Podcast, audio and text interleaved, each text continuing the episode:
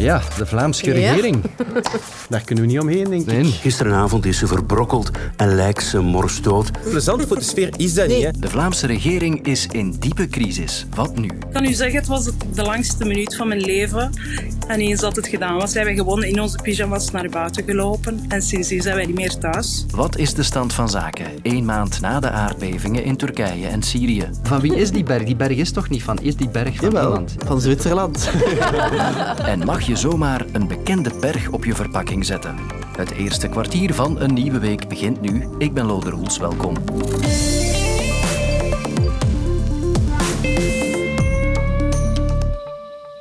Ik kan naar eer en geweten zeggen dat ik er echt alles, maar dan ook alles aan gedaan heb om met de hele regering tot een akkoord te komen. Maar kijk, zelfs alles was niet genoeg.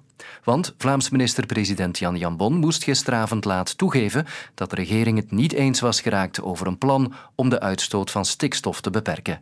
En meteen zit de regering in een diepe crisis. Tijd voor een duogesprek over hoe groot de malaise is en hoe het nu verder moet. Ik ben Dave Sinarde, professor politieke wetenschappen aan de VUB. Ik ben Johnny van Zevenand en ik ben al jarenlang wedstraatjournalist. Heren, hoe erg is de crisis volgens jullie? Ik denk dat we echt wel kunnen stellen dat dit eh, de diepste crisis is waar de Vlaamse regering al in heeft gezeten. En dan vooral omdat deze Vlaamse regering haar meerderheid dreigt te verliezen. En dat is toch nog nooit eh, gebeurd. Voor een stuk is dat nog nooit gebeurd, omdat er ook geen uh, verkiezingen kunnen zijn op regionaal vlak. Hè. En dat houdt de partijen meestal wel bij elkaar, omdat er niet echt een alternatief is. Maar ja, zelfs, zelfs dat is dan blijkbaar, zoals het er nu naar uitziet, niet genoeg om die regering Jan Bon bij elkaar te houden. Dus nooit zo scherp gebeurd, dat is inderdaad nog nooit vertoond. Dit is du jamais vu. Al herinner ik mij toch helemaal in het begin van mijn carrière als wedstraatjournalist, halfweg jaren 90, was er een zwaar conflict binnen de Vlaamse regering rond het mestactieplan van socialistische minister van Leefmilieu Norbert de Batslier. Hij werd heel zwaar bekritiseerd door CVP. Binnen de Vlaamse regering is oneenigheid ontstaan over het mestactieplan van SP-minister voor Leefmilieu de Batselier. Met zijn plan wil de Batselier tegen 2001 de mestoverschotten in Vlaanderen fors terugdringen. Ja, welke uitwegen zien jullie, professor Sinardijk? Begin bij u. Uh, het is natuurlijk mogelijk dat die regering alsnog uit die crisis geraakt. Uh, het is niet uitgesloten dat er alsnog een akkoord wordt gevonden rond dat stikstofdossier uh, tussen NVA, CD&V en Open VLD. Al, eh, ja, al is die kans intussen wel, wel kleiner dan ooit. Als er niet verder onderhandeld wordt, Johnny, en alles muurvast blijft zitten, wat zijn dan de scenario's? Ik vermoed dat dan de, de twee resterende regeringspartijen die het eens zijn over het stikstofplan, um, N-VA en Open VLD, dat die dan gaan proberen een wisselmeerderheid te zoeken. Con Rousseau van vooruit heeft al gezegd dat hij daartoe bereid is, maar hij wil natuurlijk eerst de teksten zien. Maar als die wisselmeerderheid dan toch zou lukken, dan is het voor CD&V zeer moeilijk om in deze regering te blijven, want dan is er een vertrouwensbreuk. Als CD&V dan blijft zitten, lijkt het alsof zij het doen voor de postjes en dan heb je een minderheidsregering.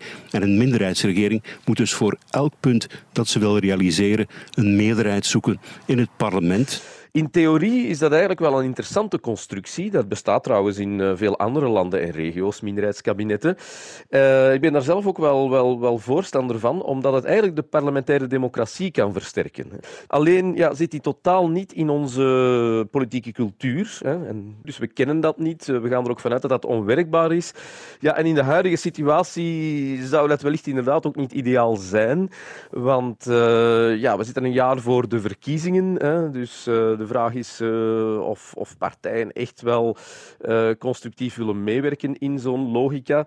Ja, en, en, die minderheidsregering zou natuurlijk ook wel gegroeid zijn vanuit een heel negatieve situatie van een, uh, ja, een Vlaamse regering die eigenlijk ongewild geen meerderheid meer heeft. Wat is het meest realistische dat er op dit ogenblik zal gebeuren? Wel, een vrij realistische uitweg als er echt geen akkoord komt rond het stikstofdossier. Hè, dat zou zijn dat deze Vlaamse regering ja, dan een minderheidsregering wordt, maar die eigenlijk vleugellam is en die de facto een soort regering van lopende zaken wordt, hè, die dus tot de verkiezingen ja, een beetje de, de dagelijkse zaken wat beheert, maar eigenlijk geen echt uh, nieuw beleid en geen echt grote beslissingen meer kan nemen ja, eh, hier zou het over meer dan een jaar gaan. Dus dat zou ook wel echt een uh, totale blamage zijn voor de regeringspartijen. En dan toch vooral voor, voor de N-VA en Jan Jan Bon, die, die die regering dan zouden moeten leiden nog tot aan de verkiezingen. Ja, daarover gesproken. Iedereen lijkt ook moe en is het beu, niet in het minst minister-president Jan Bon.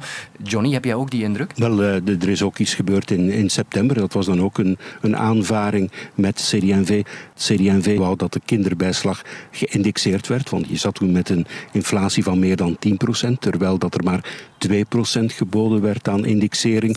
De Vlaamse regering is er niet in geslaagd om een akkoord te vinden over de begroting. En daardoor kon minister-president Jan Bon zijn septemberverklaring vanmiddag niet afleggen. Dat was nog nooit vertoond en was eigenlijk een echte vernedering voor een minister-president. Dus, uh, dus dat zijn klappen die wel tellen. En nu is er weer een aanvaring en ziet het er zelfs niet naar uit dat CD&V veel toegevingen zal doen. Oké, okay, wordt ongetwijfeld vervolgd. Heren, dank u wel. Allee, Bye. Bye.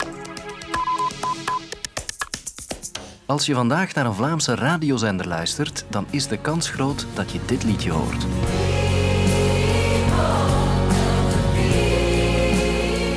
People Help the People in een cover van 30 Vlaamse artiesten. Het is het benefietnummer voor de slachtoffers van de aardbevingen in Turkije en Syrië, vandaag exact een maand geleden. En de tol is zwaar. Meer dan 50.000 mensen zijn overleden, miljoenen mensen zijn nog altijd dakloos. En daarom willen de radiostations zoveel mogelijk geld bij elkaar krijgen met verzoekplaatjes.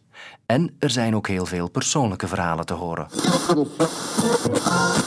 Jullie geboortedorp is zwaar getroffen tijdens de tweede aardbeving. En uh, jouw uh, man, heeft zijn zus en zijn hele gezin verloren. Ja, en die zijn na twee dagen onder de puin levenloos uitgehaald. En dat was heel hard voor ons natuurlijk. Ja.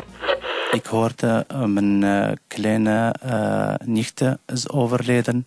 Mijn hart doet veel pijn. mijn vrouw de hele dag zwenen. Ook, ik heb gisteren met mijn oom gebeld en hij zei dat er nog steeds lichamen onder de puin liggen en dat stinkt. Ja, lichaam. Er zijn nog steeds mensen onder de puin. Ja, dat is eigenlijk ongelooflijk. Hoe kan het? Ik, ik snap het echt niet. Nu, wij kunnen bijna amper slapen. Het is echt paniek. Wij doen onze ogen niet meer dicht. Hè. Dus we slapen met het licht aan, met uw kleren aan. Voor het geval je zo snel mogelijk naar buiten moet lopen. Uh, als het begint. Dus het risico is nog niet voorbij. Daarom dat wij ja, uh, alles behalve teruggaan naar ons huis eigenlijk. Straffe getuigenissen dus, die het belang van die hulpacties nog maar eens duidelijk maken. Philippe Henon van het consortium 1212 vertelt wat er met dat ingezamelde geld zal gebeuren. Op korte termijn, dus nu eigenlijk, gaat het erom om zoveel mogelijk mannen, vrouwen en kinderen te helpen overleven via de verdeling van zuiver water, gezondheidszorg, voeding, dekens, beschuttingsmateriaal. Op langere termijn richten we ons ook op psychosociale bescherming en onderwijs voor kinderen. En een laatste aandachtspunt gaat dan naar de feitelijke heropbouw van de infrastructuur, scholen, ziekenhuizen en woningen. En ja, om daar een, een tijdslimiet op te plakken, gaan we er toch vanuit dat dat maanden, zo niet jaren in beslag zal nemen. Dus vandaar ook hè, dat we zeggen, de actie van vandaag is eigenlijk voor ons geen eindpunt, maar eerder ook een doorstart uh, naar onze hulpactiviteiten op langere termijn. Hulp op langere termijn dus ook, maar eerst overleven. En dat kan onze reporter Jens Fransen met eigen ogen zien. Hij is op bezoek in het veldhospitaal van Bifast in het zuiden van Turkije. Hoe loopt het eigenlijk? Uh, ja, het, het, het, is druk vandaag, een hele drukke dag. Uh, hier vooraan doen we de triage. De bedoeling is bij de triage om eigenlijk die mensen eruit te halen die uh, dringende zorgen nodig hebben. Ja. mensen komen hier toe, wij horen hun verhaal ook. Ja, wij zien ook hun, hun, hun wondes, niet alleen de fysische wondes, maar ook de mentale wondes. En als je dan hier staat en je kijkt op die gebouwen, de schade die daar is aan die gebouwen, dat is uh, ja, eigenlijk nog niet veel gezien. prendre un grand peu temps. Et je viens, je viens appeler enfant par enfant. Oké? Okay? Waar bent u mee bezig? Uh, ik ben verpleegkundige op de, op de, in de kindertent. Bonjour, je peux juste voir le numéro s'il vous plaît. Ik zie op het papier dat zij koorts heeft, dat ze braakt, dat ze diarree heeft sinds gisteren. Zoals eigenlijk 80% van de kinderen um, ja, ondervoed en in heel slechte hygiënische omstandigheden. En dan zijn kinderen de meest kwetsbare wezens die er zijn. Dus wat gaan we doen? We gaan die straks gaan we die binnenroepen. Dan gaan we die wegen, dan gaan we die temperaturen. En dan gaan de kinderartsen gaan daar een, klinische blik op uh, opwerpen. En dan gaan we die naar huis sturen met waarschijnlijk in haar geval wat, uh, wat extra ondersteunende zoute, zoute, zoute oplossingen of suikeroplossingen om te drinken. In hoop dat ze er snel terug bovenop komt. Ik uh, ben nu op weg naar een tent die een beetje alleen staat hier in dit veldhospitaal. Want hier wordt een stuk ja, traumapsychologie, psychologische bijstand gegeven. Hè. Uh, een van de mensen die dat doet is uh, Nisa. Dat is een uh, jonge Vlaamse psychologe uit Gent. Voilà. Nisa komt nu net uit haar tent. En wat heb jij nu net gedaan? Een gesprek gevoerd met een uh, koppel die op dit moment het nog altijd heel moeilijk heeft met het aanvaarden van uh, wat er hier gebeurd is. Zag er een uh, koppel uit? Zestigers, denk ik? Inderdaad, ja. Hoe probeer je hen dan te helpen? Vooral het luisteren was hier belangrijk in dit geval. Want ze proberen elkaar op een manier te motiveren om toch verder te doen, waardoor dat ze geen, geen ruimte laten aan elkaar om het over hun verdriet te hebben. Maar op dit moment is het wel gelukt om daar wel oor naar te hebben. Ja. Oké, okay. ik laat je rustig doorwerken. Dank u, dank u wel. De vrijwilligers werken door. En als jij zelf ook een steentje wil bijdragen, dan kan je terecht op 1212.be. Ik moet even iets kwijt. Ik heb echt topcollega's hier bij het kwartier. Zelfs als ze even naar de supermarkt lopen, denken ze aan mij. We gaan eens kijken, hè. Iets lekkers voor Lode. Het is wel een zoete, hè? Allee, zo Snoep of chocolade. Ja, ja, ja. Salami, nee. Ah, wacht. Zou dat? Ja, dat is wel lekker, hè? Ja. En dat is echt zalig. Ik ga deze meenemen voor hem, hè. Dankjewel. Ja, dankjewel. Dag. Dag. Want ineens ligt er dan iets lekkers te blinken op mijn bureau. Eet je dat graag? Want wij dachten dat dat wel iets voor u was. Ik vind dat heerlijk. Ik vind dat hele goede chocolade met van die stukjes. Wat is dat? Nougat zeker dat daarin zit? Ik heb zin om er nu aan te beginnen eigenlijk. En de berg, hè? Maar die berg is me eigenlijk nooit opgevallen tot nu. Ja, mooi hè? Je hebt er al door. Mijn vieruurtje vandaag is een reep Toblerone chocolade. Be more thoughtful. Gift to Toblerone. En die berg, daar moeten we het vandaag over hebben. Want de afbeelding van de Zwitserse berg Matterhorn moet weg van de Toblerone-verpakkingen, omdat het bedrijf de productie voor een deel weghaalt uit Zwitserland. De Zwitsers hebben blijkbaar strenge regels als het aankomt op nationale symbolen. Maar hoe zit dat eigenlijk? Kan een berg portretrechten hebben? En kan ik bijvoorbeeld zomaar de watervallen van Co of de duinen van de Pannen op een product afbeelden? Ik vond iemand die evenveel van Toblerone houdt als ikzelf. Ja, ja echt wel. Ja. Ik ben iemand die zich nogal makkelijk laat gaan in de tax-free shop. Als er dan een baartolronde ligt, dan meestal heb je dat toch wel ergens meegesmokkeld. Toblerone fan en expert intellectueel eigendomsrecht Pieter Jan Valgaren. Je moet het echt lezen in het context van het merkenrecht. Dus in de Europese wetgeving, internationale wetgeving, is al jaren bezig om herkomstbenamingen een stukje te beschermen. En die berg zelf heeft, heeft geen eigendomsrecht, heeft geen persoonsrechten as such, maar het kanton in dit geval, waar de Matterhorn ligt, heeft bijvoorbeeld de naam Matterhorn beschermd als, als merk, dus als naam. En in functie daarvan kunnen zij ook gaan positie zetten tegen het gebruik van hun naam, van de naam Matterhorn in een merk. Intellectueel eigendomsrecht, en zeker in dit geval merkenrecht, vertrekt eigenlijk altijd van een soort van complexe balans tussen aan de ene kant de lokale wetten en de lokale geschiedenis en de historische gevoeligheden die daarin zitten. Van de andere kant het stimuleren van innovatie en ondernemen maar vooral ook de bescherming van de consument in dit. En eigenlijk zijn het die drie dingen die je mee in de weegschaal moet leggen. Je kan dingen gaan gebruiken, maar als het voor de consument moeilijk zou zijn om te, in te schatten dat dat product effectief uit die regio komt, dan stelt de wet dat dat eigenlijk al niet kan. Dus kan je zomaar alles gaan gebruiken? Ja, in principe kan je vrij dingen gaan, gaan gebruiken, maar je moet die beschermingstoets kunnen doorstaan. En dat is in heel veel gevallen niet, niet zo makkelijk. Het interessante daaraan is dat dat eigenlijk een, een markt is die constant innoveert en ook constant verandert. En er zijn dus best wel wat zaken uh, die gaan over die specifieke plaatsbenamingen.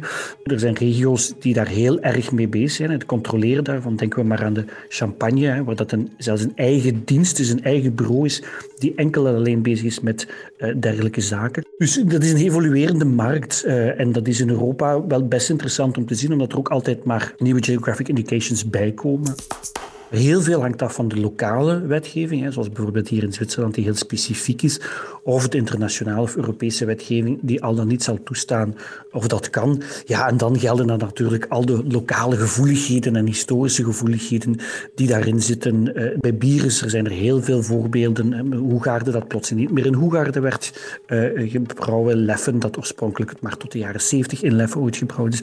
Maar voor mensen is het altijd heel belangrijk dat men die, die link nog ergens kan leggen tussen het merk, of toch tenminste de historische link kan leggen tussen het merk en de locatie.